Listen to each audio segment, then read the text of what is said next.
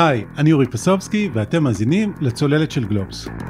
כלכלת רוסיה נמצאת היום בצרות. למעשה, בקרוב המדינה לא תוכל לשלם את החובות שלה למשקיעים זרים. נמצאת על סף חדלות פירעון. תוצאה כמובן של המלחמה באוקראינה והסנקציות של המערב.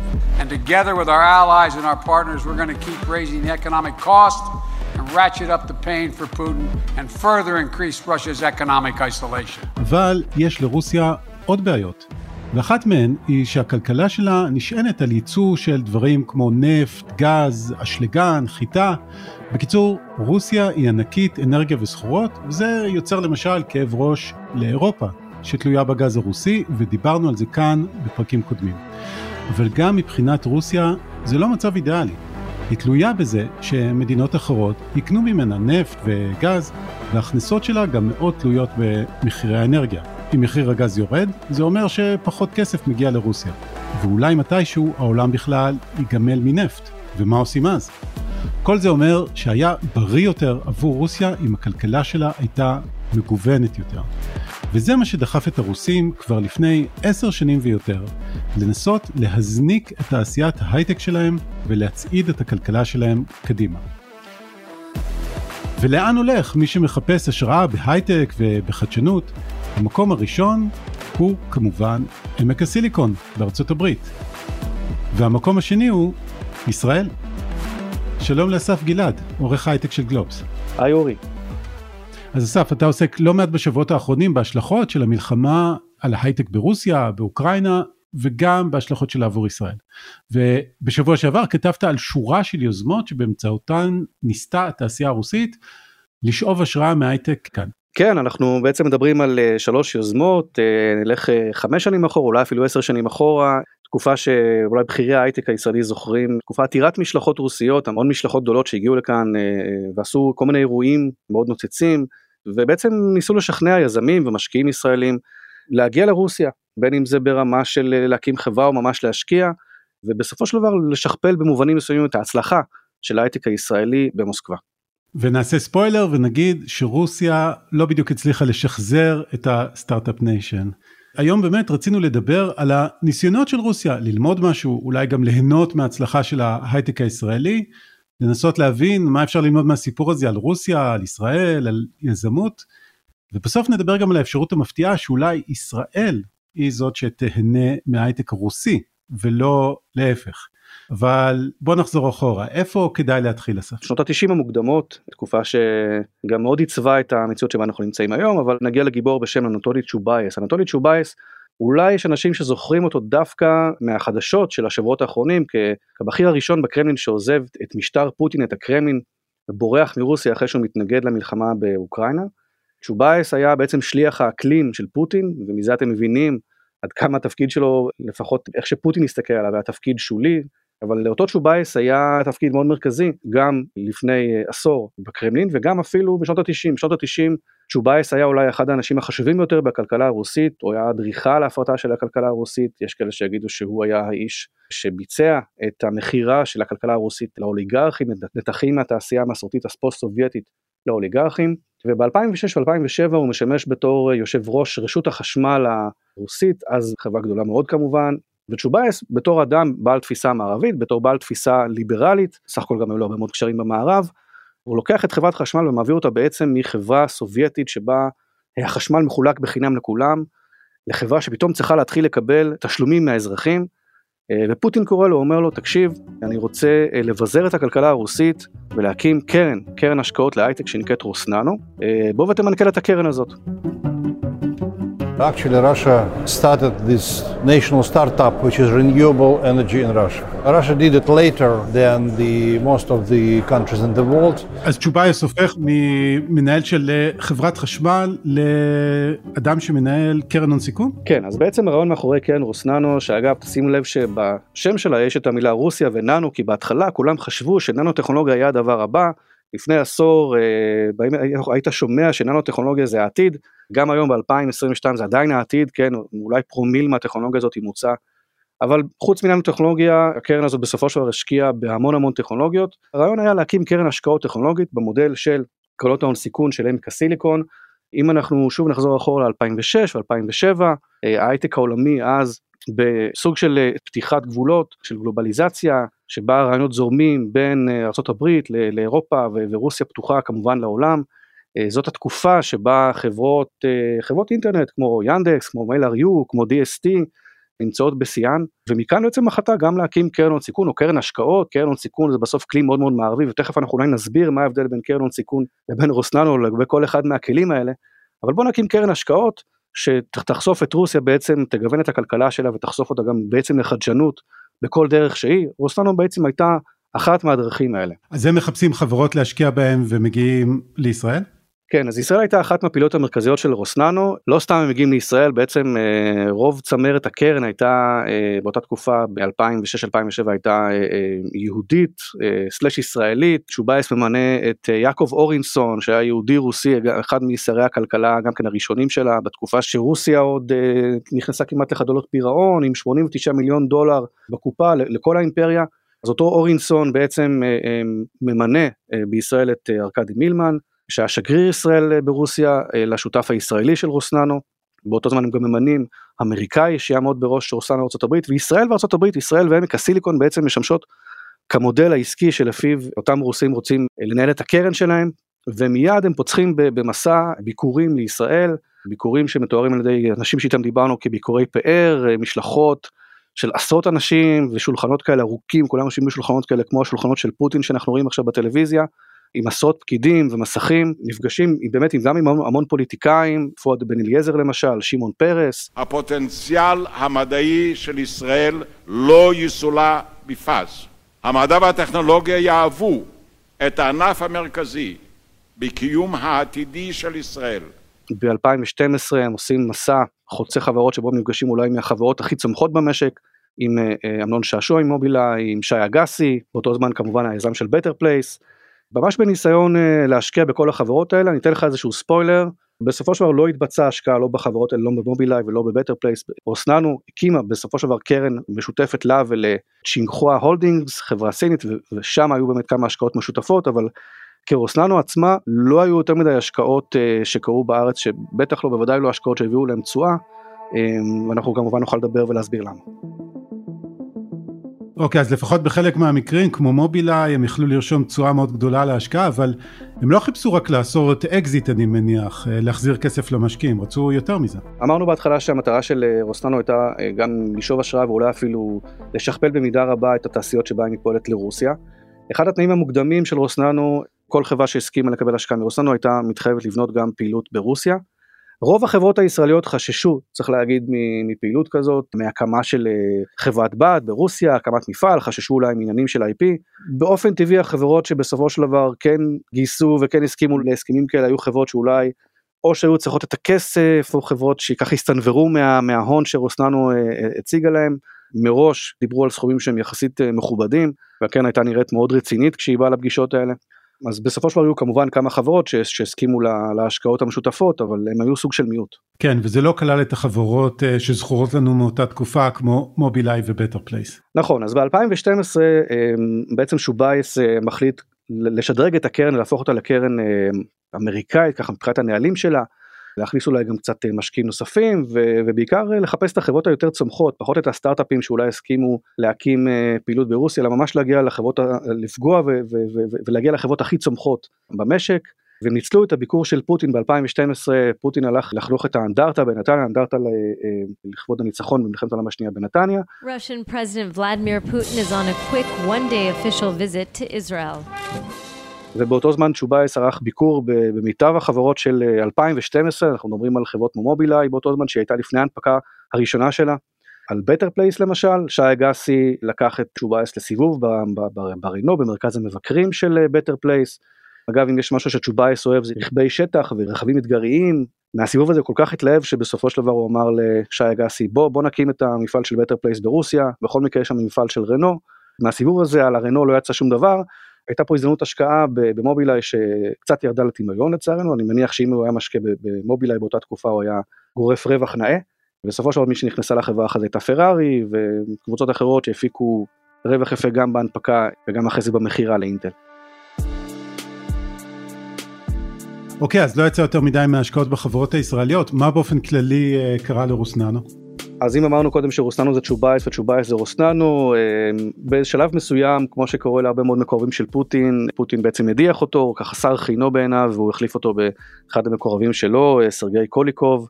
שלאחרונה גם נכנס לרשימת הסנקציות של, של האיחוד האירופי. בדצמבר האחרון, דצמבר 2021, החברה נכנסה גם לסוג של חדלות פירעון, ציון האג"ח שלה שודרג על ידי פיץ', החברה היחידה שבעצם דירגה, הסכימה לדרג את רוסננו, ירד ככה בהדרגה מ-BB ל-BBB ואחרי זה ל-C ועכשיו אה, ממש היא הפסיקה בעקבות המלחמה, היא הפסיקה לגמרי לדרג את רוסננו אחרי שגם הוטלו עליה סנקציות.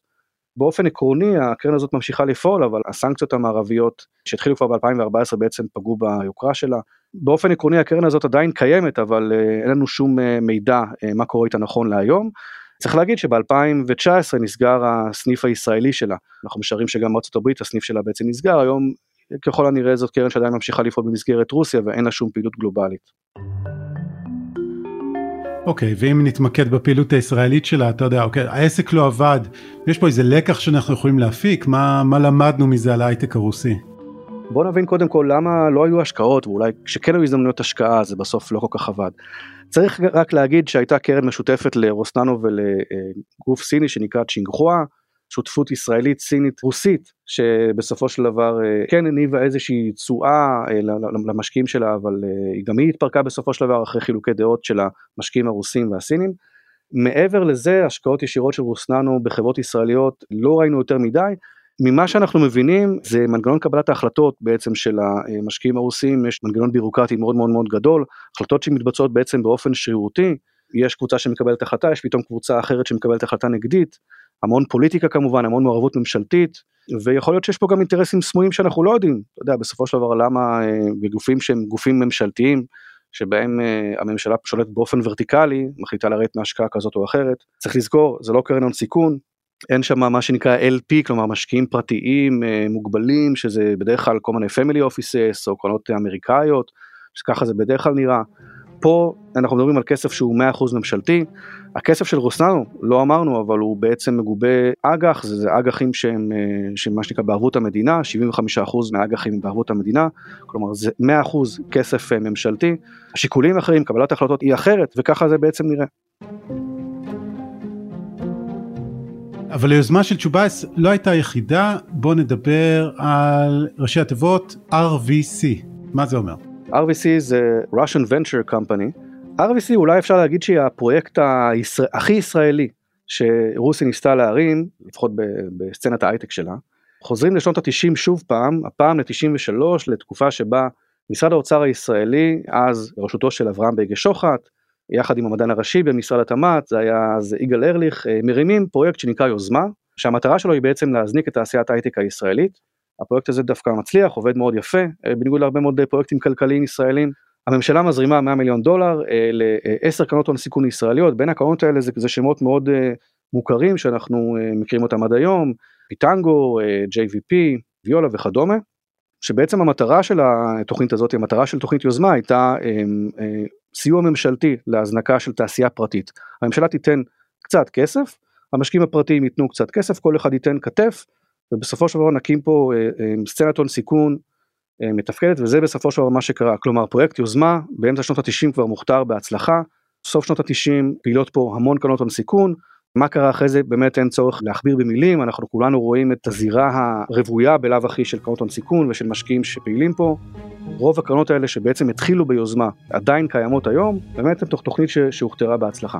אוקיי, אז רק להתעכב על הנקודה הזאת. המודל הזה, כמו שהזכרת, של קרן הון סיכון, זה מודל שבו יש אנשים שהם אה, אלופי העולם בהשקעות כאלה, כל מיני דמויות אה, מאושיות אה, הסצנה, אנשים שמביאים בהייטק ובהשקעות, והם מגייסים כסף מקרנות פנסיה, מאנשים עשירים, ומשקיעים אותו עבורם בסטארט-אפים ומתחייבים או מקווים להביא להם תשואה יפה כעבור כמה שנים. ואנחנו מכירים אותם וכותבים עליהם ומראיינים אותם, אבל בעצם הסיפור הזה של יוזמה שאתה מביא מזכיר לנו שבשנות התשעים ממשלת ישראל היא זו שסייעה לכל התעשייה הזאת להתרומם על הרגליים.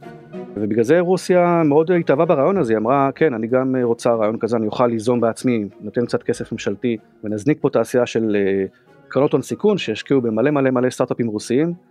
יש רק בעיה אחת, וההבדל הוא שהכסף הממשלתי הישראלי נועד בעצם לקדם השקעה פרטית, ובסופו של דבר זה היה מין סוג של אינקובציה, כי אחרי שיוזמה נולדה, קרנות ההון סיכון המשיכו לפעול וכמובן 100% מהכספים שלהם המשיכו להיות כספים פרטיים של משקיעים פרטיים. ב-RVC קרה דבר הפוך, הממשלה בעצם נשארה בעלת מניות מרכזית בהשקעות האלה וככה זה גם uh, המשיך וככה זה גם התפתח וככה זה גם נראה בסופו של דבר.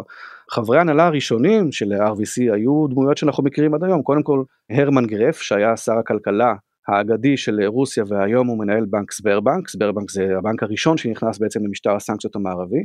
ואלווירה נביולינה, שאנחנו גם מכירים את השם שלה מהתקופה האחרונה, כי היא נגידת הבנק המרכזי ברוסיה, היא אפילו ביקשה לעזוב, פוטין אמר לה לא, ממש לפני כמה שבועות והיא נאלצה להישאר בתפקידה, בין השאר מנסה לייצב את הרובל.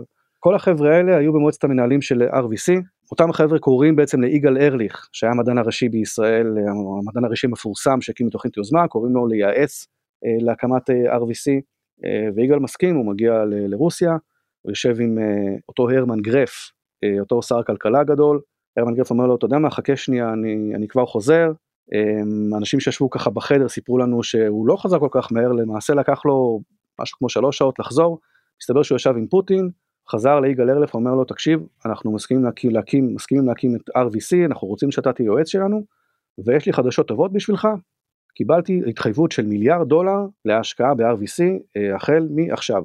בוא חכה לי שלוש שעות אני חוזר עם מיליארד דולר. ממש כך ויגאל ארליך אומר לו אתה יודע שככה לא עובדת קרן הון סיכון כן קרן הון סיכון לוקח קודם כל זמן עד שקוראים לכסף וכל פעם קוראים לקצת כסף כן לא קוראים לכל הכסף בבת אחת זה מה שנקרא calling the money אבל אומרים לו עזוב עזוב ברוסיה זה עובד אחרת אה, וזה בסוף מה שקרה זה באמת עבד אחרת הקרן גייסה בהמשך בהמשך הדרך עוד מיליארדים והיא גם קצת שינתה מהמודל שלה עם במקום מה שנקרא fund of funds כלומר קרן שמשקיעה בקרנות אחרות בשביל להזניק את תעשיית ההון סיכון היא הפכה לסוג של מין בור תקציבי כזה השקיע בפרויקטים של חינוך פרויקטים טכנולוגיים אחרים יגאל ארליך נשאר שם בערך חמש שנים אחרי ההקמה ואחר כך הוא עזב הוא גם היה מעורב בפרויקטים רוסיים אחרים כמו סקולקובו שתכף נדבר עליה. ובסופו של דבר כמו שקרה לרוסננו גם ב-RVC התחילה המשטרה אה, ושירותי הביטחון אה, להתערב. אנחנו לא יודעים בין אם באמת מישהו עשה משהו רע או פשוט אה, מישהו רצה להיכנס במישהו אחר והשתמש בשירותי הביטחון כסוג של כלי ניגוח. אבל מה שקרה זה שביוני 2020 נעצר יושב ראש הקרן אלכסנדר פובלקו הושם במעצר בית נטען שהוא מעל בכספים אנחנו לא יודעים אם זה נכון או לא בכל מקרה הקרן הודיעה שהיא בטוחה בחפותו ובסופו של דבר כמו שראינו בקרן רוסננו אה, אה, סופה של RVC היה אה, דומה, גילוני הביטחון הרוסים על, על זרועותיהם השונים התנכלו לכל מיני בכירים בקרן, חלקם הושמו במעצר, אנחנו לא יודעים אם זה באמת בגלל שהם עשו משהו שלא יעשה או בגלל שמישהו רצה להתנגח בהם מסיבה פוליטית, אבל אנחנו גם רואים איזושהי היחלשות פעילות של RVC וכמו שאמרנו היא כבר לא, היא פחות מתעסקת בעולמות ההון סיכון ויותר הפכה לסוג של קרן למיזמים טכנולוגיים. קצת התמסמס, כן.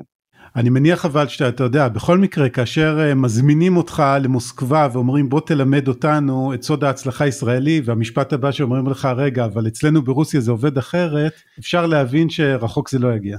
נכון היו פה אה, שתי גישות עסקיות מנוגדות וללא ספק יש פה גישה מערבית ומולה גישה שאולי תרצה לקרוא לה רוסית או אה, ממשלתית או מיושנת. תרצה לקרוא לזה איך שתרצה לקרוא לזה בסופו של דבר כשהזירה העסקית כולה מוכוונת על ידי כוחות פוליטיים שונים כן לאו דווקא כמובן פוטין תמיד נמצא ברקע אבל זה לא רק הוא. זאת אומרת, יש שם הרבה מאוד גופים עם אינטרסים חסויים שאתה אף פעם לא יודע מה הולך לקרות. זאת אומרת שאנחנו דיברנו עם, אה, עם קרנות ישראליות שגייסו אה, כסף מ-RVC או רצו לגייס כסף מ-RVC קיבלנו תחושה של שותף בצד השני שהוא בדרך כלל אה, מתנהג בצורה שרירותית שלא ממלא את ההתחייבויות שלו שאתה מגייס ממנו כסף ופתאום הוא הופך את ההתנהגות שלו אני יכול להזכיר בין השאר קרנות ש, שאמרו שפתאום הכסף שלהם הלך לאיבוד, או שפתאום הופיעו כל מיני כתבות בעיתון על הקרן שלהם.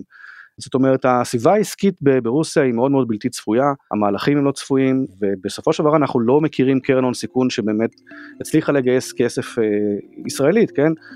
כסף מ-RVC והצליחה להשקיע אותו לאחר מכן. היו כמה ניסיונות אבל הניסיונות האלה לא עבדו, בין השאר בדיוק בגלל המנטליות הזאת. אוקיי, אוקיי, והיוזמה הרוסית השלישית לא הייתה בדיוק להשקיע בחברות או בקרנות, אלא להקים פארק הייטק, משהו כמו המת"ם בחיפה? כן, בדיוק, אז תחשוב על אה, הכלאה של אה, פארק מת"ם עם עמק הסיליקון, בין 2008 ל-2012 אז דמיטרי מדוודב הוא נשיא רוסיה, בין כהונות הגדולות של פוטין, היה עושה דברו של פוטין. כן, פוטין היה ראש הממשלה של מדוודב. נכון, ואחד הרעיונות המרכזיים, אחד הצעצועים שלו היה פארק סקולקובו, שזה היה פארק ההייטק הרוסי שהוקם בפאתי מוסקבה, השתרע על פני שטח של 2.5 קילומטר מרובע, עם חזון שעד 2020 יאכלס 50 אלף אה, חוקרים ומהנדסי הייטק. לכאורה כוונות מאוד מאוד טובות, כן, אנחנו מזכירים שוב תור הזהב של עידן ההייטק הרוסי, עם הנפקת ענק של ינדקס ושל Mail.ru בלונדון, באותו זמן אה, סקולקובו אה, מארחת גם כן עיתונאים ישראלים וחברות הייטק אה, ישראליות וחברות אמריקאיות, סיסקו ש, שהאסטרטגיה הבינלאומית שלה, אסטרטגיית הפיתוח הבינלאומי שלה אז בזמנו נוהלה על ידי יואב סמט ישראלי, אז שקלה להשקיע בסקולקובו וגם הקימה שם איזושהי נציגות מסוימת. בראש סקולקובו עמד האוליגרך היהודי ויקטור וקסלברג שאנחנו זוכרים מפרשת הממד החמישי שבכל מקרה ביקר הרבה מאוד בישראל בין השאר הוא גם מגיע לכאן ומחפש חברות ישראליות שיבואו להקים פעילות ברוסיה, בסקולקובו, מפתה אותם באמת עם כל מיני מענקים והטבות במס, זה בהתחלה לא כל כך עובד, ואז פונים לחברת מסחור, ובסוף נבחרת אוניברסיטת אריאל וחברת המסחור שלה, שזו אוניברסיטה שאנחנו פחות מכירים את הפעילות שלה בתחום הזה, אבל היא חותמת על שיתוף פעולה עם סקולקובו, במטרה באמת לאתר סטארט-אפים ישראלים, חברות ישראליות, האוניברסיטה הראשונה שקופצת לראש בהקשר של הייטק. אנחנו לא ממש יודעים מה קרה שם אבל מה שאנחנו כן יודעים זה שזה בסוף לא עבד זאת אומרת השיתוף פעולה הזה בעצם מעולם לא יצא לפועל לא הבשיל לפעילות מחקרית משותפת. וגם סקולקובו כמו הפרויקטים האחרים נכנסת לתקופה של הקפאה ברגע שפוטין חוזר לשלטון אה, פתאום יש הקפאת תקציבים ובקרה על, על ההוצאות שהיו יש בכירים שפתאום מואשמים בבעילה בכספים היה שם איזה בכיר שהזמין חבר פרלמנט רוסי להרצאות וזה נחשב איזה סוג של שוחד אז אה, שם אותו במעצר. שוב אנחנו לא מכירים הרבה מאוד פעילויות שהוקמו ביאנדקס הייתה שם פעילות דווקא עם MIT האוניברסיטה הגדולה מבוסטון שחתמה על הסכם עם סקולקובה ואפילו הקימה שם פעילות מחקרית שעכשיו בעצם עם פרוץ המלחמה הקפיאה את הפעילות שלה ברוסיה. אה, אז אה, כמובן סופה של סקולקובו אה, או לפחות הגורל שלה די דומה למה שאנחנו מכירים משתי הקרנות האחרות. צריך להגיד הפעילויות האלה נשארו מאוד מאוד רוסיות בטבע שלהם המערב נסגר להשקעות ברוסיה אז מטבע הדברים הם המשיכו לפעול ברוסיה בתוך הגבולות של המדינה אבל זה כמובן לא, לא החזון ש, שעליו דיבר מדוודב ב-2008. אוקיי, okay, אז אתה יודע, אסף, הרושם שנותר הוא, הוא שאחת הבעיות לפחות הייתה לא בדיוק שהממשל לא תמך בפרויקטים האלה, אלא שהוא לא שחרר אותם. נכון, הכספים ברובם היו כספים ממשלתיים שהגיעו מכל מיני אגפים אה, של הממשלה. חלק מהכספים גם הגיעו מתוך בנקים רוסים, כן, אבל גם הבנקים הרוסים נשלטים על ידי המדינה. אנחנו מדברים פה על אה, גם כן צורת חשיבה, צורת עשיית עסקים, הסביבה העסקית, על פתיחות. על, על הנושא הזה של קניין רוחני, של מסחור קניין רוחני, כן? היה פה רצון מאוד מאוד טוב בתחילת שנות האלפיים אה, לעשות משהו חדש, אבל הגריפ, האחיזה של, המ, של הממשלה בעצם הלכה והתגברה בכלכלה הרוסית ולא, ולא הפוך. אה, זאת אומרת, אנחנו רואים את רוסיה חוזרת לעידן של ברית המועצות. אני אתן לך אולי דוגמה ברשת VK, את המקבילה הרוסית של פייסבוק.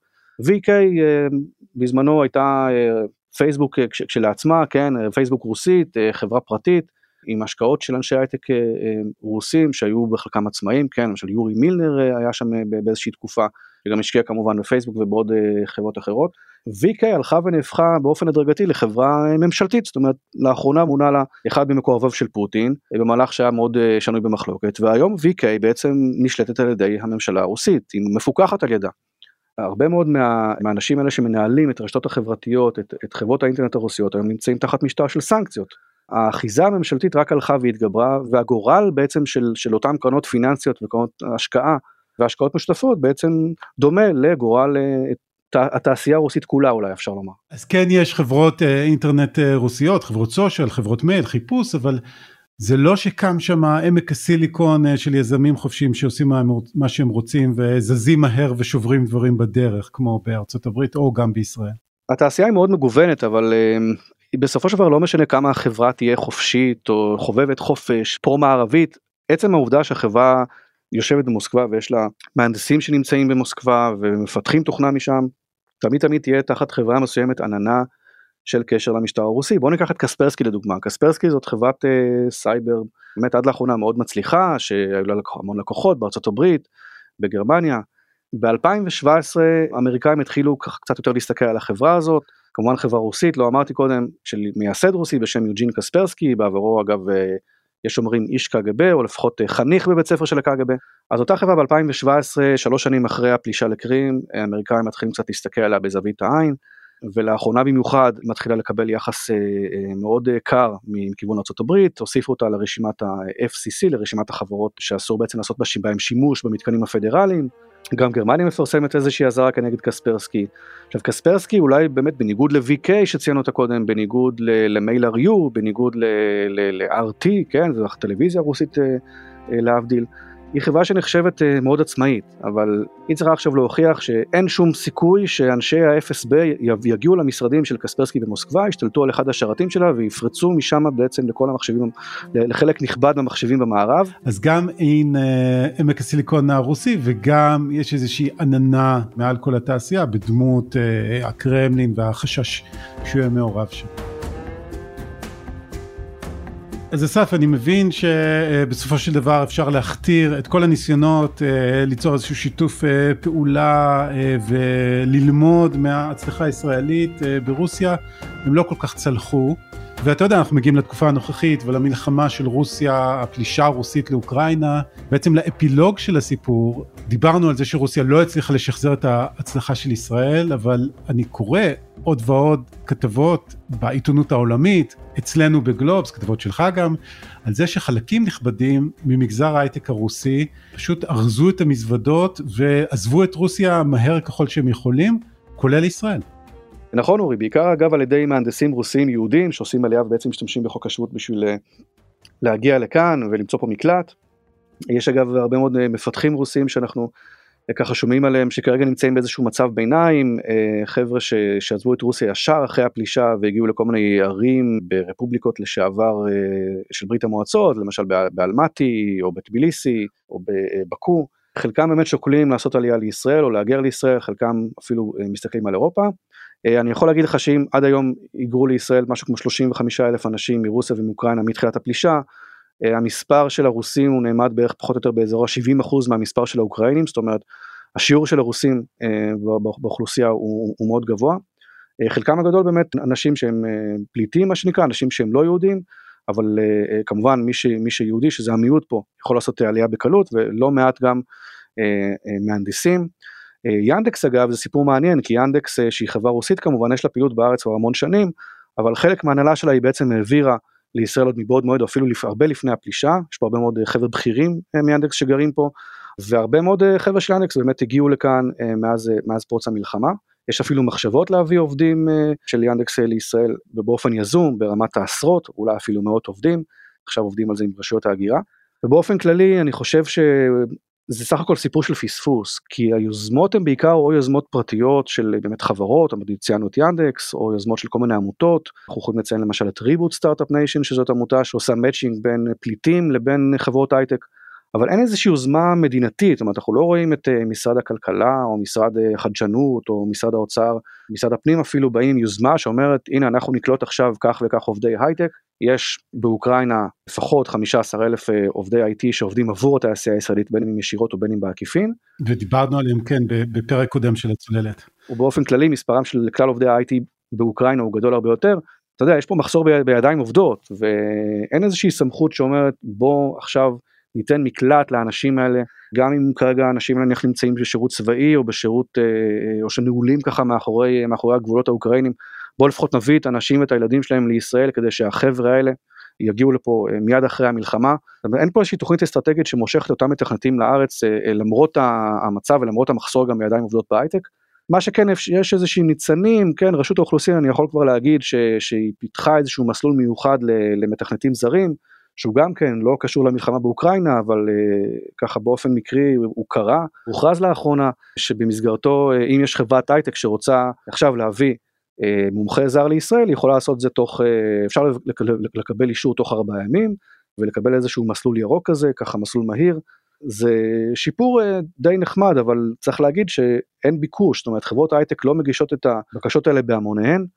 וכתוצאה מכך אנחנו נמצאים באיזשהו לימבו שבו יש הרבה מאוד פליטים שאולי חושבים להגר לישראל, שאולי חושבים להגר למקומות אחרים, אולי לבולגריה, אולי לרומניה, ומישהו בממשלה כנראה צריך לבוא ולעשות פה איזשהו סדר ולמשוך את החבר'ה האלה דווקא לפה. אבל תגיד, יכול להיות שאתה יודע, אנחנו רואים את ישראל מאוד נזהרת וגם זוכה להרבה ביקורת בגלל זה, נזהרת לא לעצבן את רוסיה של פוטין, יכול להיות שחוששים קצת אה, לקרוא באופן מפורש אה, לאנשי ה-IT הרוסים אה, לעזוב את אה, מוסקבה ולבוא לארץ, או את סנט פטרסבורג? יכול להיות ש, שאולי זאת הסיבה שאנחנו לא רואים איזושהי יוזמה ממשלתית בנושא, אבל בוא נעזוב שנייה את הרוסים, בוא נסתכל רק על האוקראינים, יש לך 4 מיליון אוקראינים שעזבו את, את ביתם, נכון שוב שרוב הגברים ככה נשארו אה, או בצבא או בשטח אוקראינה אבל יש הרבה חבר'ה שאפשר או קודם כל להעסיק אותם מרחוק אה, יש אנשים שאפשר אולי לאתר אותם לחברה ישראלית גם כן מרחוק שימשיכו לעבוד שם אבל לפחות שיעברו לעבוד עבור חברה ישראלית או לפחות לשמר אותם בחברה ישראלית.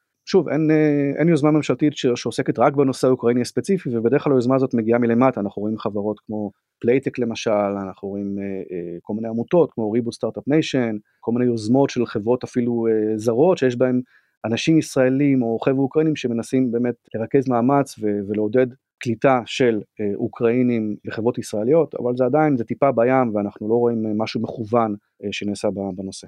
אסף רק להתעכב אה, על הנקודה הזאת של ינדקס אתה יודע הזכרת קודם שיש איזושהי בעיה עבור חברות ההייטק רוסיות והיא שהן חשודות ככה תמיד אה, בצדק או שלא בצדק במין עננה כזאת של הקרמלין אה, שמרחפת מעליהן.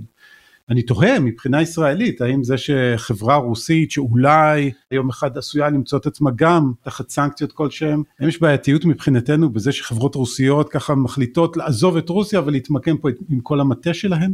תראה לכאורה כמובן שכן כי בסופו של דבר אם ישראל הופכת להיות מקלט לכל מיני חברות שנמצאות תחת סנקציות אז זאת בעיה. צריך להגיד שיאנדקס לא נמצאת אה, תחת איזושהי סנקציה ישירה כלומר טיגרן חודה ורדיאן שהיה אה, ככה הסמנכ"ל אבל בעצם המנכ"ל האגדי שלה נכנס תחת סנקציות ואז הוא עזב. החברה בנסדק הפסיקה להיסחר המניות של יאנדקס אה, לא נסחרות בנסדק אבל על יאנדקס כשלעצמה אין, אין סנקציות. אנחנו נראה פחות חברות שעוברות לכאן בצורה שלמה. אולי יאנדקס זה אולי איזשהו סוג של אה, אה, יוצא מן הכלל בגלל שיש לה אה, מנכ"ל שגר בישראל. אנחנו נראה בעיקר את המהנדסים הרוסים מגיעים לפה ואני חושב שזה בסדר גמור ותפקידנו באמת לקלוט כמה שיותר בתעשייה הישראלית ובסופו של דבר אה, לשלב אותם בחברות שפונות כלפי מערב. אז רק כדי להשלים את התמונה, בוא ניגע לסיום בנושא שעסקנו בו באחד הפרקים הקודמים, והוא עובדי תעשיית ההייטק האוקראינית, שרבים מהם עובדים עבור חברות ישראליות, ואתה דיברת על זה פה בצוללת, ככה ערב התקיפה, על חברות ישראליות שחושבות איך הן יכולות לעזור, ומה הולך לקרות לעובדים שלהם, מה תמונת המצב כרגע? אז אנחנו רואים מכה מאוד גדולה שהחברות הישראליות חטפו, כמובן לא רק הישראליות, כל החברות שפעלו באוקראינה, המון גם חברות בריטיות, חברות אמריקאיות, אבל ללא ספק זה חברות שקיבלו מכה, מכה איומה, כמובן קודם כל העובדים עצמם קיבלו את המכה האיומה הזאת שפלשו למדינה, אבל הרבה מאוד חברות הייטק, בעיקר חברות שיש להם הנהלה מערבית, שנניח היו קשורות לארה"ב או לבריטניה, מאוד עודדו את העובדים שלהם להתפנות שבועות לפני, לפני הפלישה, גם חברות ישראליות כמובן, היה מן הסתם מודיעין, ארגנו להם מטוסים, ארגנו להם חבילות פינוי, אבל מעט מאוד נהנו לבקשות האלה ולהפצרות האלה, בעיקר בגלל שלא האמינו, בעיקר אולי בגלל שרצו להישאר יחד עם המשפחה המורחבת, ועכשיו כתוצאה מכך כשכן התחילו להתפנות, הרבה מאוד נאלצו או להתגייס לצבא או להישאר מאחורי הגבולות, אם הם בני 18 עד 60, עם גברים כמובן,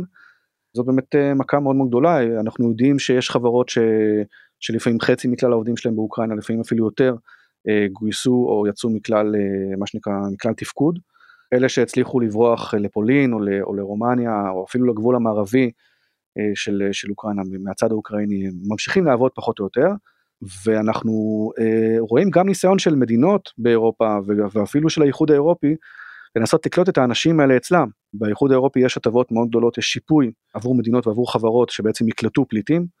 מן הסתם ישראל היא לא חלק מהאיחוד האירופי ולכן אנחנו לא נהנים מזה, אבל אנחנו רואים נהירה של הרבה מאוד עובדים כאלה לפולין, עובדי IT לפולין, עובדי IT לבולגריה למשל, ש, שמעודדת את, את, את אנשי ה-IT האוקראינים להגר אליה. בניסיון באמת אולי להקים איזה מין תעשיית IT קטנה, איזה מין קבע קטנה ב, ב, בסופיה.